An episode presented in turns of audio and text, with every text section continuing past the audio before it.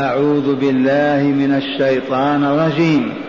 فتأملوا وتدبروا وتفكروا لتلوح أنوارها إلى قلوبكم وتنتقي إلى أسماعكم وأبصاركم وألسنتكم. وهذا شأن نور الله عز وجل. يا أيها الرسول بلغ ما أنزل إليك من ربك. وإن لم تفعل فما بلغت رسالته. وفي قراءة سبعية فما بلغت رسالاته. والله يعصمك من الناس. إن الله لا يهدي القوم الكافرين. قل يا أهل الكتاب لستم على شيء حتى تقيموا التوراة والإنجيل وما أنزل إليكم من ربكم وليزيدن كثيرا منهم ما أنزل إليك من ربك طغيانا وكفرا. فلا تأس على القوم الكافرين. إن الذين آمنوا والذين هادوا والصابئون والنصارى من آمن منهم بالله واليوم الآخر من آمن بالله واليوم الآخر وعمل صالحا فلا خوف عليهم ولا هم يحزنون. بشراكم أيها المؤمنون. يا أيها الرسول بلغ ما أنزل إليك من ربك وإن لم تفعل فما بلغت رسالته. والله يعصمك من الناس. إن الله لا يهدي القوم الكافرين. قل يا أهل الكتاب يا أهل الكتاب لستم على شيء حتى تقيموا التوراة والإنجيل وما أنزل إليكم من ربكم. وليزيدن كثيرا منهم ما أنزل إليك من ربك طغيانا وكفرا. والعياذ بالله. طغيانا وكفرا. فلا تأس على القوم الكافرين. إن الذين آمنوا والذين هادوا والصابرون والنصارى من آمن منهم بالله واليوم الآخر من آمن بالله واليوم الآخر وعمل صالحا فلا خوف عليهم ولا هم يحزنون. أنتم تتدبرون وإلا لا؟ ما معنى التدبر؟ ترجع الآية من أولها وتعود إلى آخرها. تتدبر. اسمع ما يقول الحق عز وجل وهو يخاطب رسوله ومصطفاه نبينا محمد صلى الله عليه وسلم. يا أيها الرسول بلغ ما أنزل إليك من ربك. وإن لم تفعل فما بلغت رسالته. والله يعصمك من الناس. إن الله لا يهدي القوم الكافرين. قل يا رسولنا قل يا أهل الكتاب لستم على شيء حتى تقيموا التوراة والإنجيل وما أنزل إليكم من ربكم. ألا وهو القرآن. وليزيدن كثيرا منهم ما أنزل إليك من ربك طغيانا وكفرا. إذا فلا تأس على القوم الكافرين. إن الذين آمنوا والذين هادوا والصابئون والنصارى من آمن بالله واليوم الآخر وعمل صالحا فلا خوف عليهم ولا هم يحزنون. هذه مائدة الله عز وجل. تعالوا يا بني الناس لتطعموا وتسعدوا. قالوا ما نستطيع شباع ما نريد. ابقوا على ما أنتم عليه حتى النقلة إلى عالم الشقاء والخلد فيه أبدا والعياذ بالله تعالى. لقد أعذر الله بهذا العطاء الإلهي. هيا أشرح لكم شيئا فشيئا. يا أيها الرسول من الذي نادى رسول الله؟ الله جل جلاله. سبحان الله. الله ينادي رسوله نعم من هذا الرسول؟ الأفخم الأعظم الرسول الكامل في الرسالة والعظمة. وهذا النداء الثاني في القرآن نداء الله لنبيه بعنوان الرسالة. يا أيها الرسول وناداه بعنوان النبوة عدة مرات. يا أيها النبي اتق الله. يا أيها النبي إذا طلقتم النساء يا أيها النبي لم تحرم؟ في عدة نداءات. أما بالعنوان هذا عنوان الرسالة ناداه مرتين. يا أيها الرسول ولسان العرب الرسول معناه الأفخم الأعظم الصدق الحق. ناداه ليقول له ماذا؟ بلغ ما أنزل إليك من ربك. وقد تعلمنا نحن والحمد لله أهل هذه الحلقة المباركة أن الله تعالى لا ينادينا إلا ليأمرنا بما يسعدنا أو لينهانا عما يشقينا أو ليبشرنا بما يزيد في صالحاتنا أو ينذرنا لنبتعد من مهلكات الحياة والمشقيات لنا أو ليعلمنا. وهو تعالى الآن ينادي رسوله يأمره. ماذا قال له؟ بلغ. يبلغ ماذا؟ ما الذي يبلغه؟ قال بلغ ما أنزل إليك من ربك أي هذا القرآن الكريم وما يحمل من الشرائع والأحكام والآداب. ولا تكتم كلمة واحدة ولا جملة واحدة ولا أمرا واحدا ولا نهيا. بلغ. والصورة مدنية. والمدينة دار الهجرة ليست كدار الرسول في مكة. كان يعيش بين آبائه وأعمامه وإخوانه من يقوى على أن ينال منه؟ لكن لما جاء إلى المدينة وفيها اليهود عليهم لعائن الله. وفيها النفاق. موقف صعب. موقف صعب.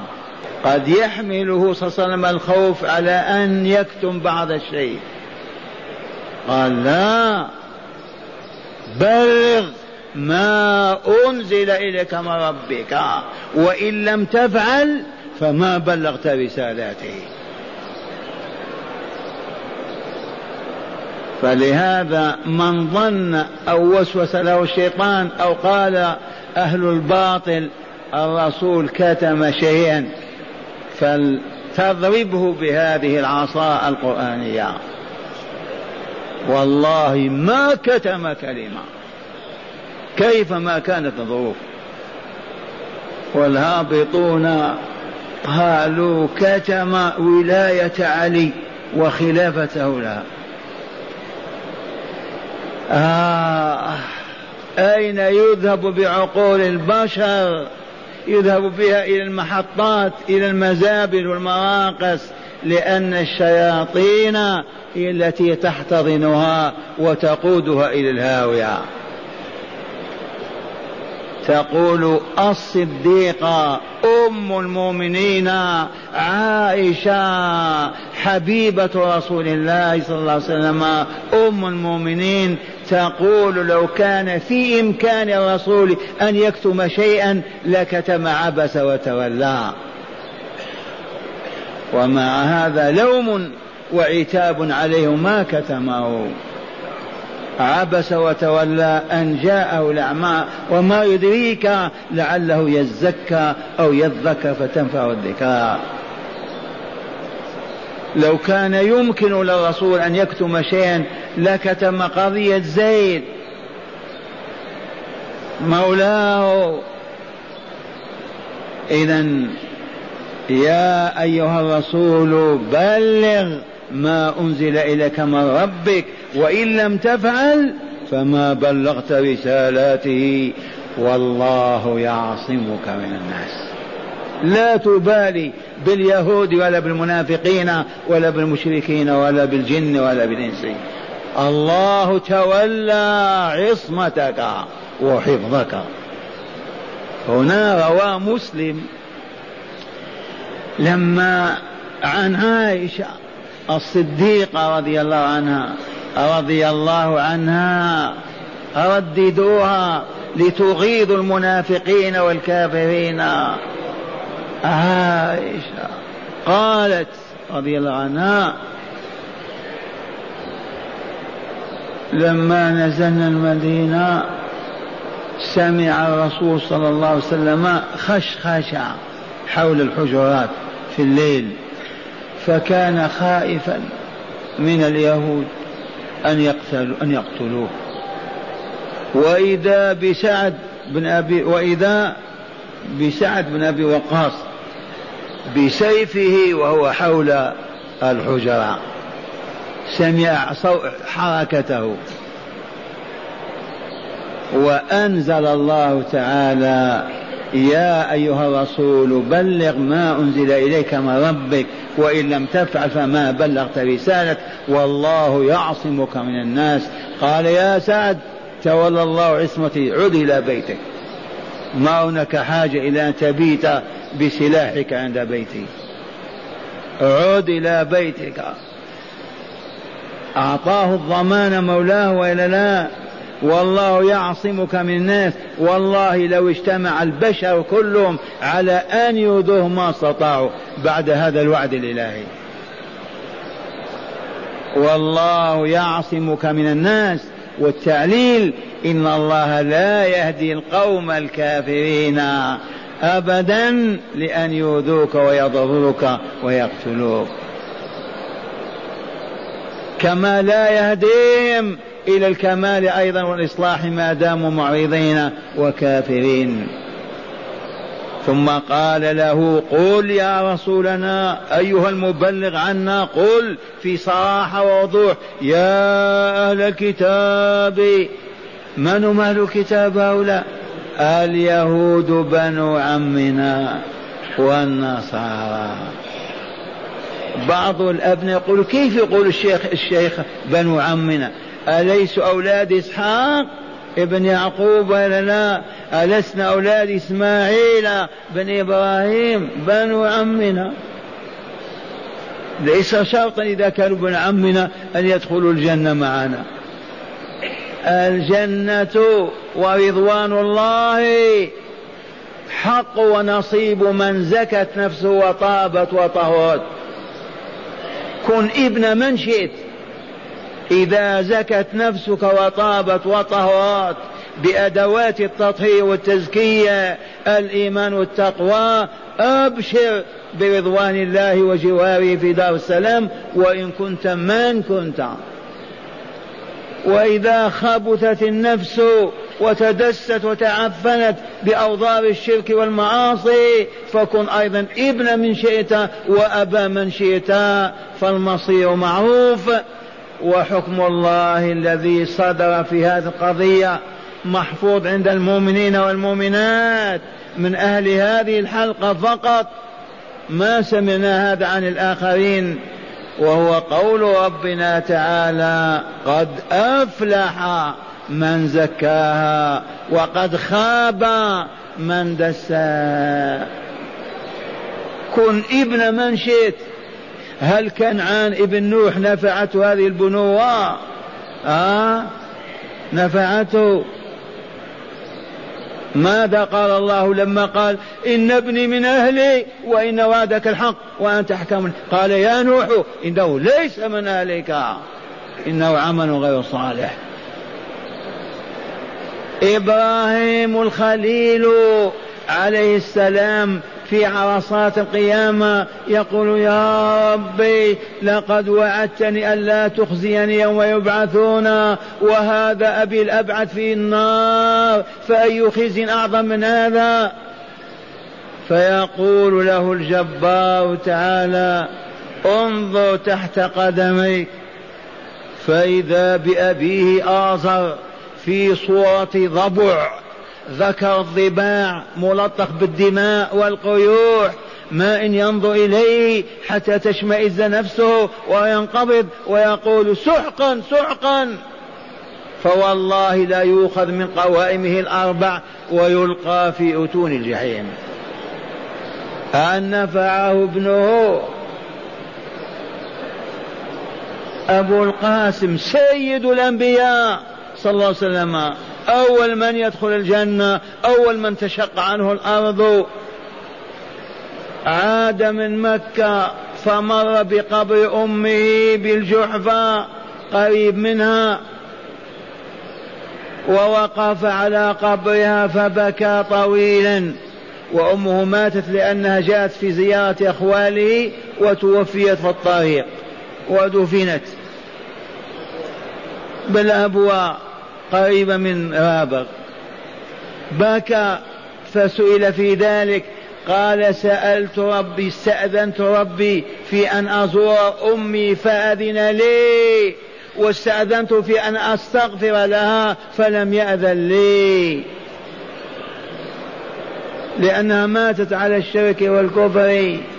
نفس خبيثة. كيف تستغفر لها تعكس سنة الله. وإن شككتم اسمعوا كلام الله من سورة التوبة من المدنيات المباركات. ماذا قال تعالى؟ ما كان للنبي والذين آمنوا أن يستغفروا للمشركين ولو كانوا أولي قربى. من يرد على الله؟ أعوذ بالله. طأطي رأسك عبد الله وقل آمنت بالله. ما كان للنبي والذين آمنوا ليس من شأنهم أن يستغفروا للمشركين ولو كانوا أولي قربى. أصحاب قرابة كالأب والأم والابن وما إلى ذلك. لأن حكم الله أصدره.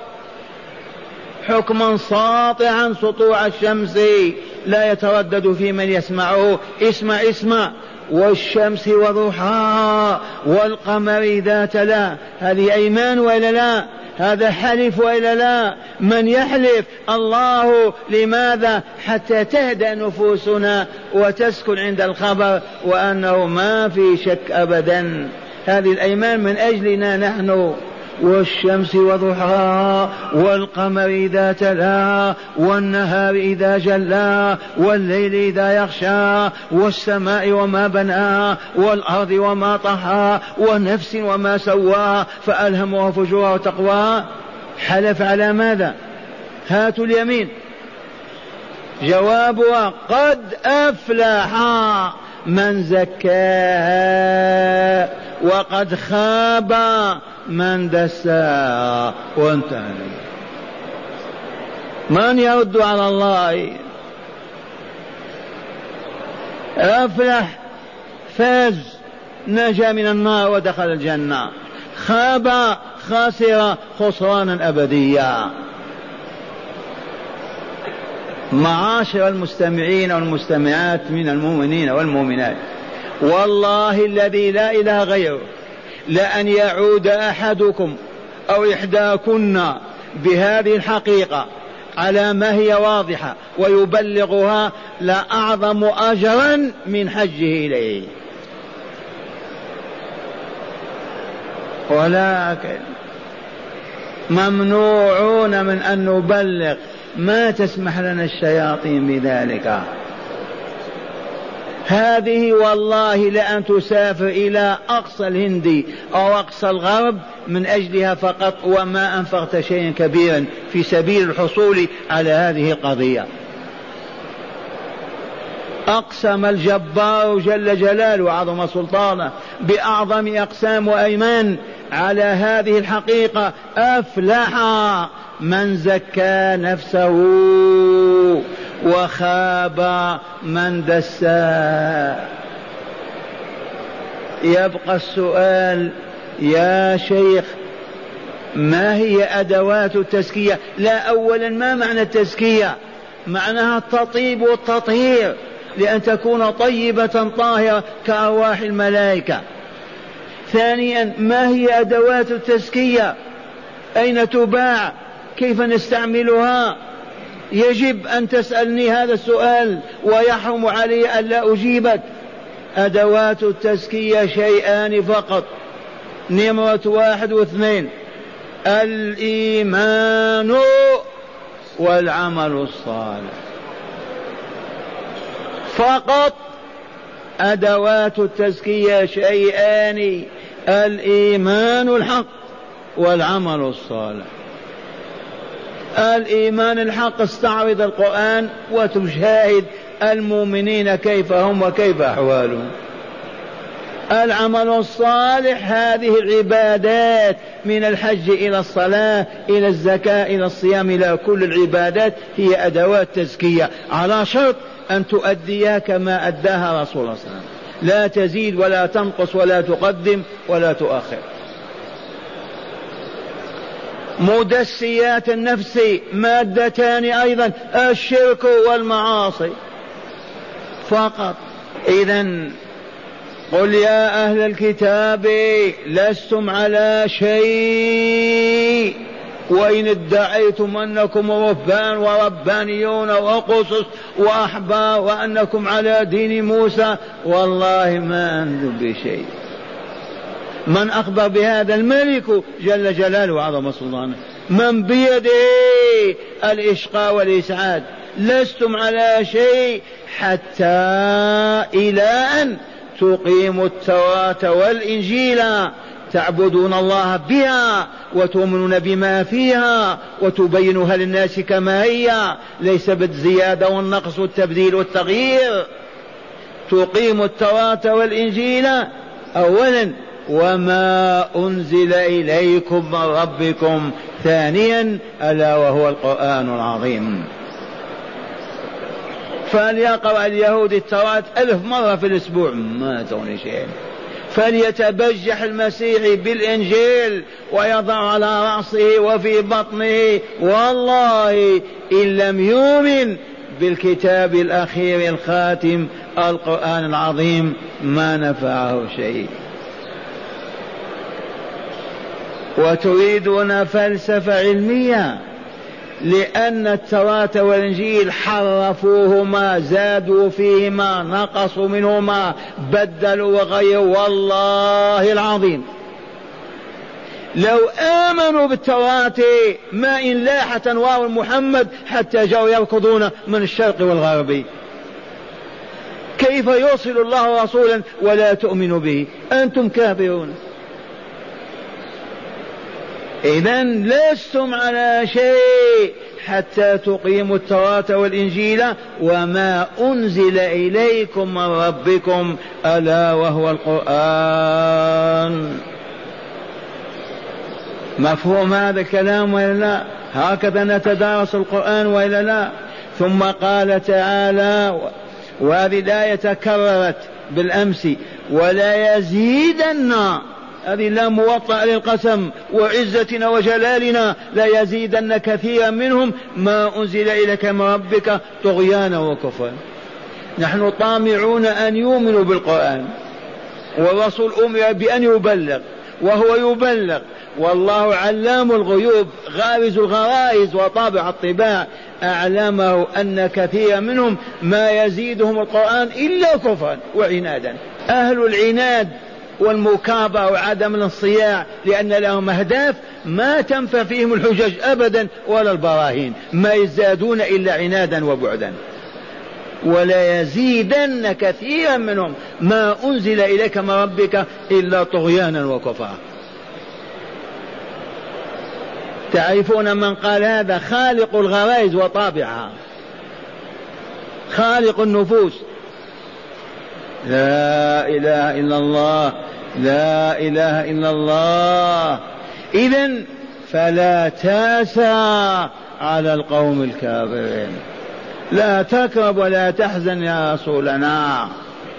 قوم كفروا عنادا ومكابرة دفاعا عن مصالحهم وأطماعهم وشهواتهم. لا تأس عنهم ابدا. ولا تأسف ولا تحزن. من قال هذا لرسولنا ربنا تعالى رحمة به وتطيبا لخاطره وتهدئا لنفسه لأنه فيه كرب يقول الحق فيعرضوه يبين الدليل فيعمو ماذا وهو مأمور بلغ. وإن لم تفعل فما بلغت رسالة. ويواجه هذه الصعاب. ماذا قال له؟ فلا تأس على القوم الكافرين. لا تحزن عليهم. أهل جهنم أهل عالم الشقاء والخسران والعياذ بالله. الآية الأخيرة باب الله مفتوح. يا يهودي يا مسيحي يا صابي يا مشرك تعالوا. ربنا واحد والطريق إليه واحدة. لا فرق بين العرب والعجم ولا الأبيض ولا الأسود ولا اليهودي ولا النصراني ولا ولا ولا ولا ولا المسلم. الكل إذا أرادوا أن يقعوا باب الجنة اسمع ما يقول تعالى إن الذين آمنوا وهم نحن والحمد لله. آمنا بالله ولقائه وإلا لا. آمنا بالله ورسله وإلا لا. آمنا بالله وكتبه وإلا لا. آمنا بالله وقضائه وقدره وإلا لا. آمنا باليوم الآخر وما فيه. أم لا؟ آمنا. نحن المؤمنون. بدأ بنا لأننا القادة والسادة والفائزون والمنعمون برحمة الله. إن الذين آمنوا والذين هادوا. من هم هؤلاء؟ اليهود عرفوا بهذا الوصف. تباتم من قديم الزمان من عهد موسى. هادوا والنصارى. من هم النصارى؟ نسبة إلى نصرانية أو إلى ناصرة أو إلى نصرة عيسى. المسيحيون النصارى زيد والصابئون. الصابئون فرقة خرجت من من المسيحية وكانت لها مذهب خاص. من صبا يصبو. صبوا عن دين اليهود وعن دين النصارى وصار لهم دين خاص ثالث. بدعة. يعرفون بالصابئون. والآن قد يقول القائل لماذا ما قال والصابئين؟ إن الذين آمنوا والذين هادوا والصابئين معطوف على الذين آمنوا وهادوا ولا المفروض يقول والصابئين منصوب والنصارى معطوف عليه. راضي بينا غير ما مر بتعليم الله عز وجل وتفقيهه أن إذا أراد أحدكم أن يمنع السيارة تبهتم جروا وراءه يطلبونه. أراد أن يتمنع منهم ماذا؟ يضع حجارة في الطريق وإلا لا؟ خشب حجارة توقف السيارة ما تصل. يهبطون وينزلون ويفكرون فسبحان الله الصابئون ما ما عرفهم العرب كثير ولا المسلمون حتى نحن فئة قليلة لكن لما قال والصابئون يقف القارئ. لما ما قال والصابئين؟ حتى يتفكر في الصابئون من هم وكيف صابوا وكيف كذا. نكتة بلاغية عجيبة المفروض يقول والصابئين. قال والصابئون. معطوف على المنصوب وهو مرفوع.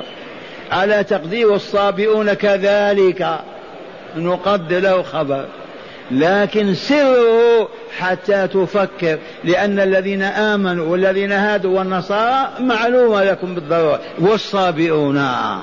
إذا تقف لحظة بعقلك تفكر. الكل يخبر تعالى عنه فيقول من آمن بالله واليوم الآخر. هذا أولا. وعمل صالحا ثانيا. فلا خوف عليهم ولا هم يحزنون. يا بشراك يا بشرية.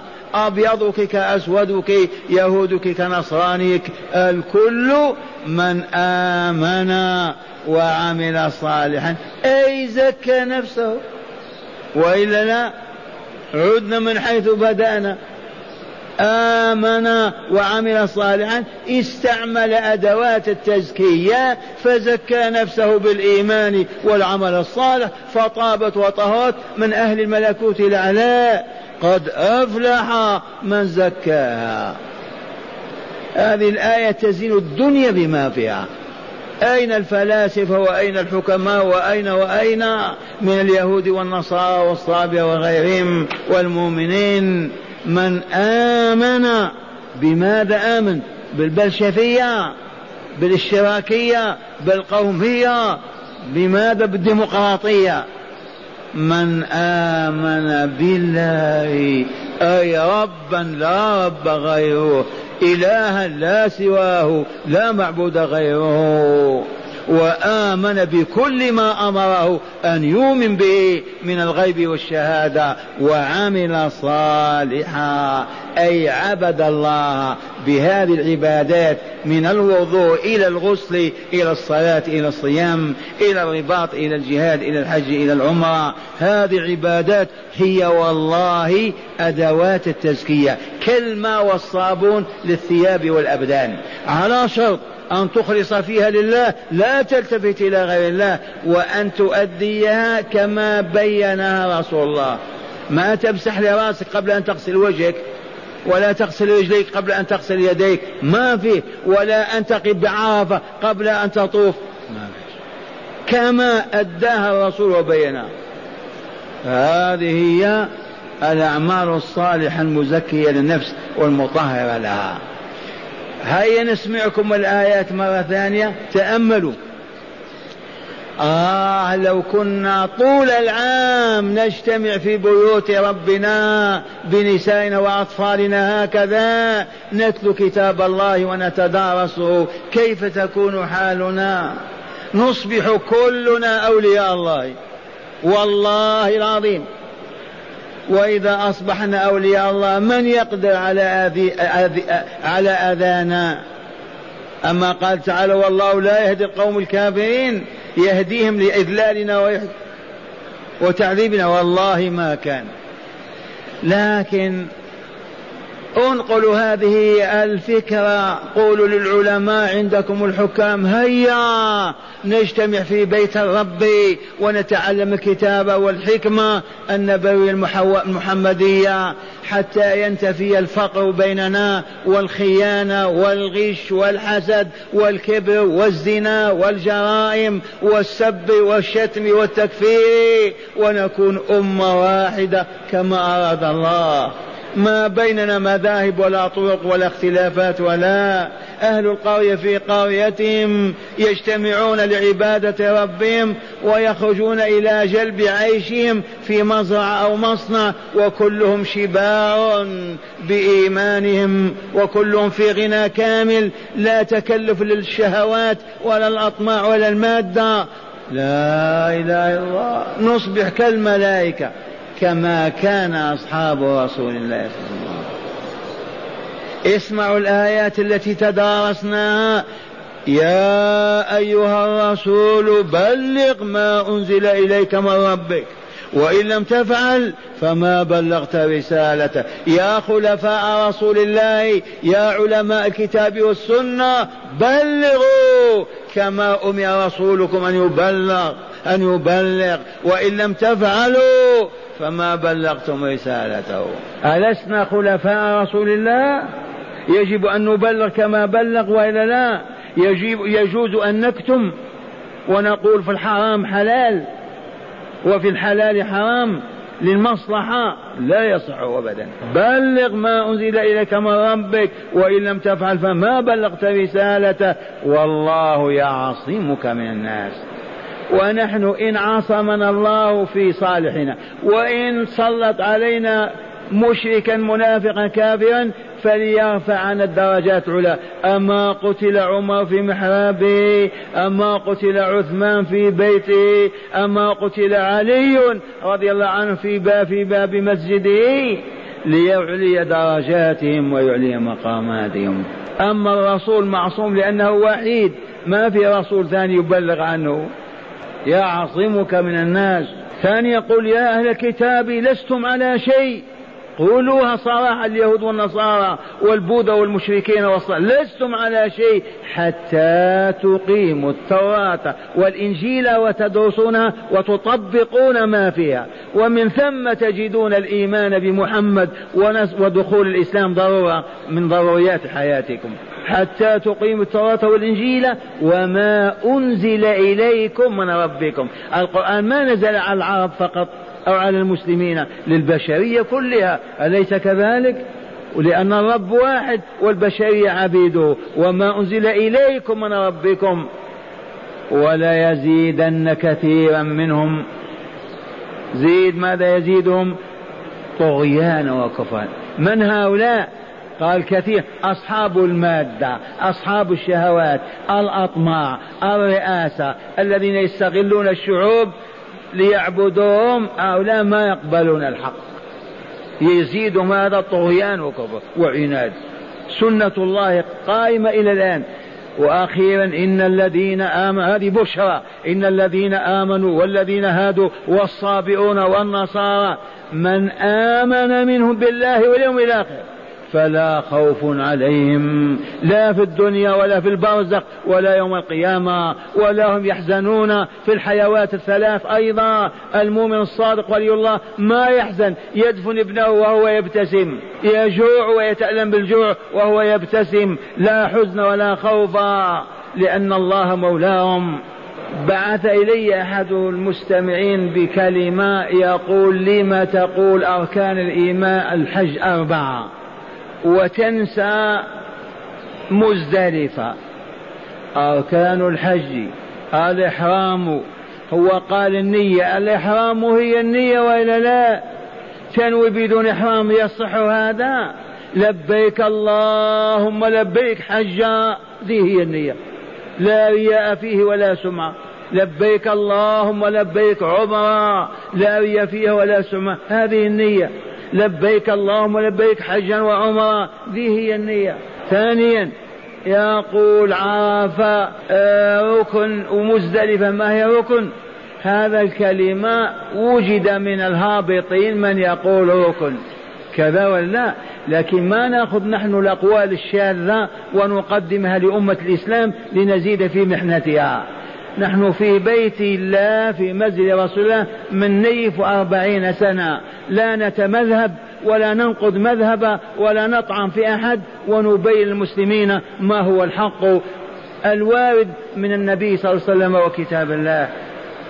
ما نذكر ذاك خلافات. مزدلفة المبيت فيها واجب وعند العجز يرفع هذا الوجوب ويكفيك أن تذكر الله فيها بأن تقيم صلاة المغرب والعشاء وتبكي طويل بين يدي الله وتدعو فإذا كنت مضطرا للرحيل لأطفال أو نساء الرسول آذن لابن عباس في ذلك وقد أديت قول الله فاذكروا الله عند المشعر الحرام ألا هو مزدلفة.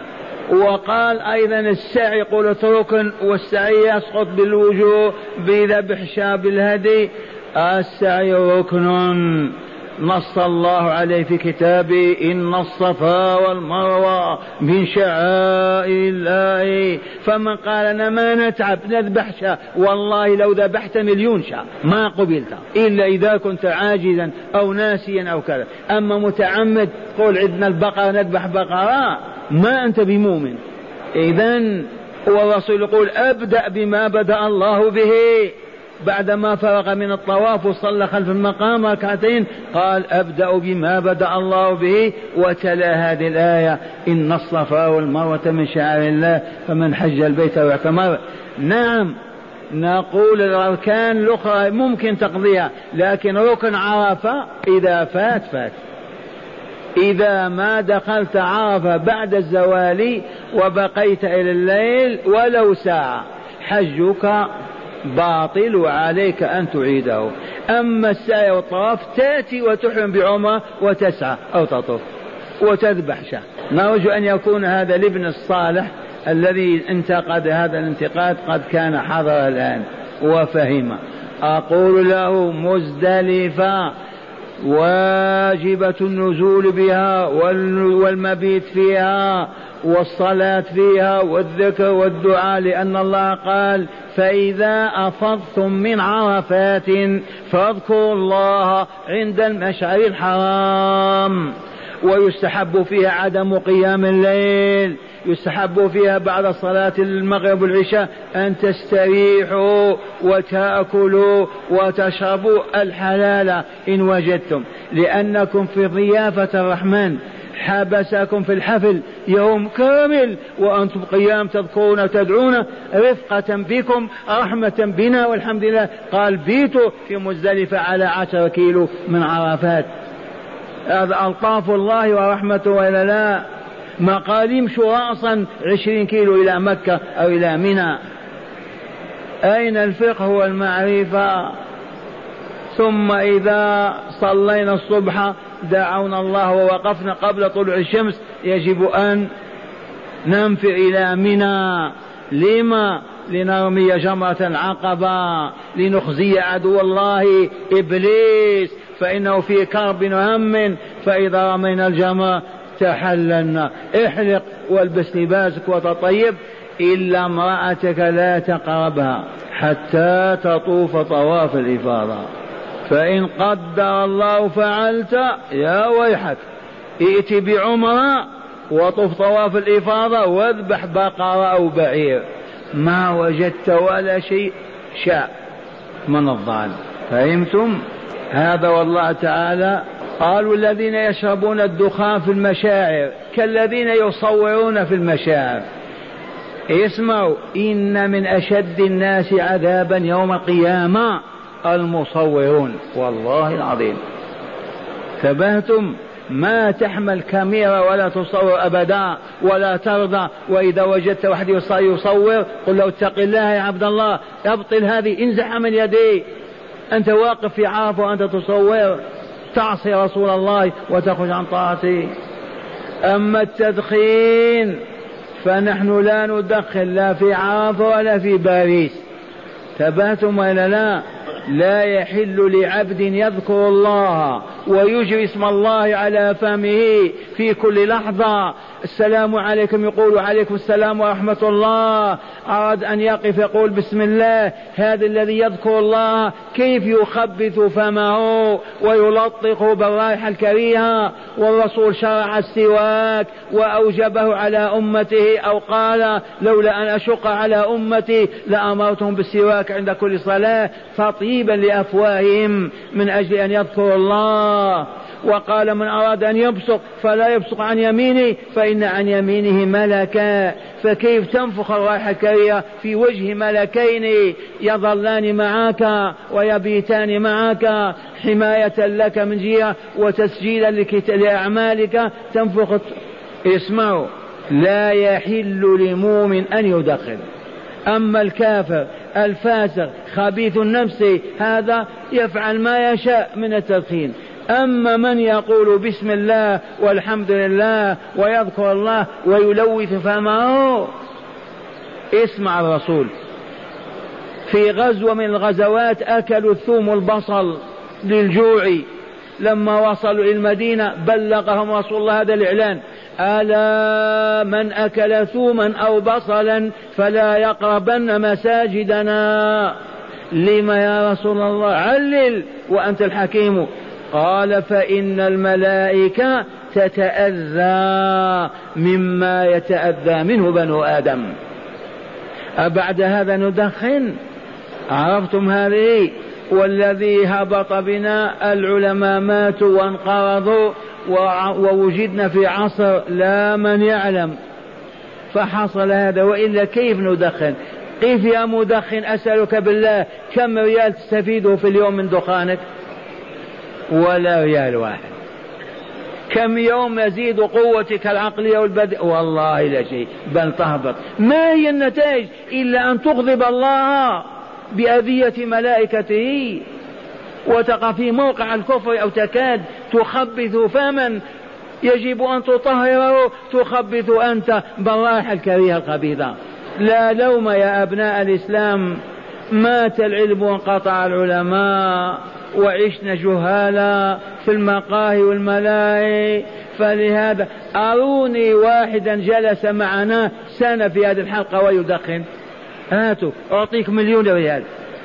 ما هو والذين ما عرفوا ماذا نقول لهم؟ ما سمعوا.